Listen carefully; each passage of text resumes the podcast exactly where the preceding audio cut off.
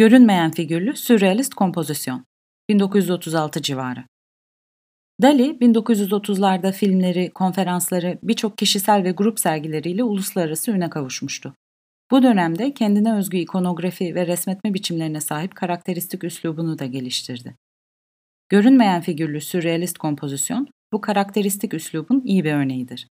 Bu çalışmada bir resmin yaklaşık 10 yıl arayla yapılmış iki çok farklı yarısı bir araya getirilir. Arka planda Katalonya'daki Kadakes kasabasının son derece gerçekçi ve ayrıntılı manzarası görülür. Dali gençliğinde yaz aylarını burada geçirmiş, çok mutlu olmuştur. Bu motif eserlerinde sık sık tekrarlanır. Ön planda büyük, boş bir platformda bazı sembolik öğeler vardır. Bu öğeler Dali'nin egosunu simgeleyen yakut bir kaideye yerleştirilmiştir. Yataktaki karıncalar gibi cinsel semboller de görülür. Ayrıca görünmeyen imgeler de vardır. Boş sandalye ve boş yatakta ortada olmayan iki kişinin izleri kalmıştır. Belki de Dali ve Gala'nın bıraktığı izlerdir bunlar.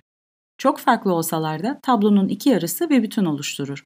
Bu obje ve manzara ayrıntılarının tablonun bütününde benzer renkler ve incecik fırça darbeleri kullanılarak yapılmasıyla sağlanmıştır.